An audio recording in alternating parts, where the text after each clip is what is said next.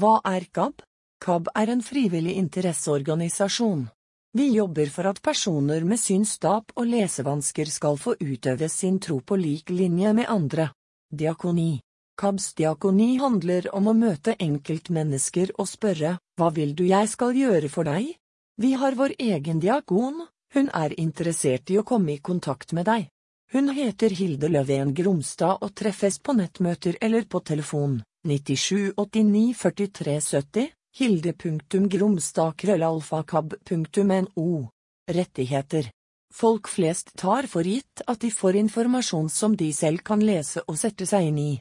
KABs arbeid retter seg mot ledende instanser innen kirke og menighet, og vil kjempe for rettighetene til blinde, svaksynte og personer med leseutfordringer.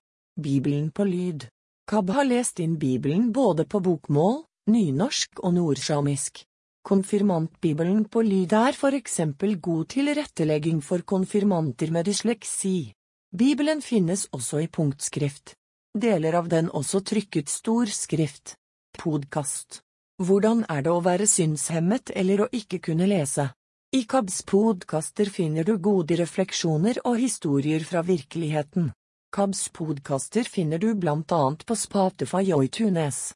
Søk opp titler som Blindebukk og Leve med tap, KAB-pod, i blinde eller Velkommen til min verden. Tilrettelegging KAB jobber for at alle skal ha mulighet til å være med i menigheter og utøve sin tro. 100 med RT-læringskurs som hjelper deg som jobber i kirken til å skape et ikke-ekskluderende miljø. KAB har blant annet laget tilrettelagt utgave av fireårsboka mi og jobber nå med salmebok for alle. Lydbibliotek. KAB tilrettelegger tidsskrifter, misjonsblader, andaktsbøker, oppbyggelig litteratur, romaner og fagbøker. Materialet lånes ut i samarbeid med Nasjonalbiblioteket og kan lånes av alle som har syns- og leseutfordringer. Kurs og leir. KAB inviterer til regionale eller nasjonale arrangementer.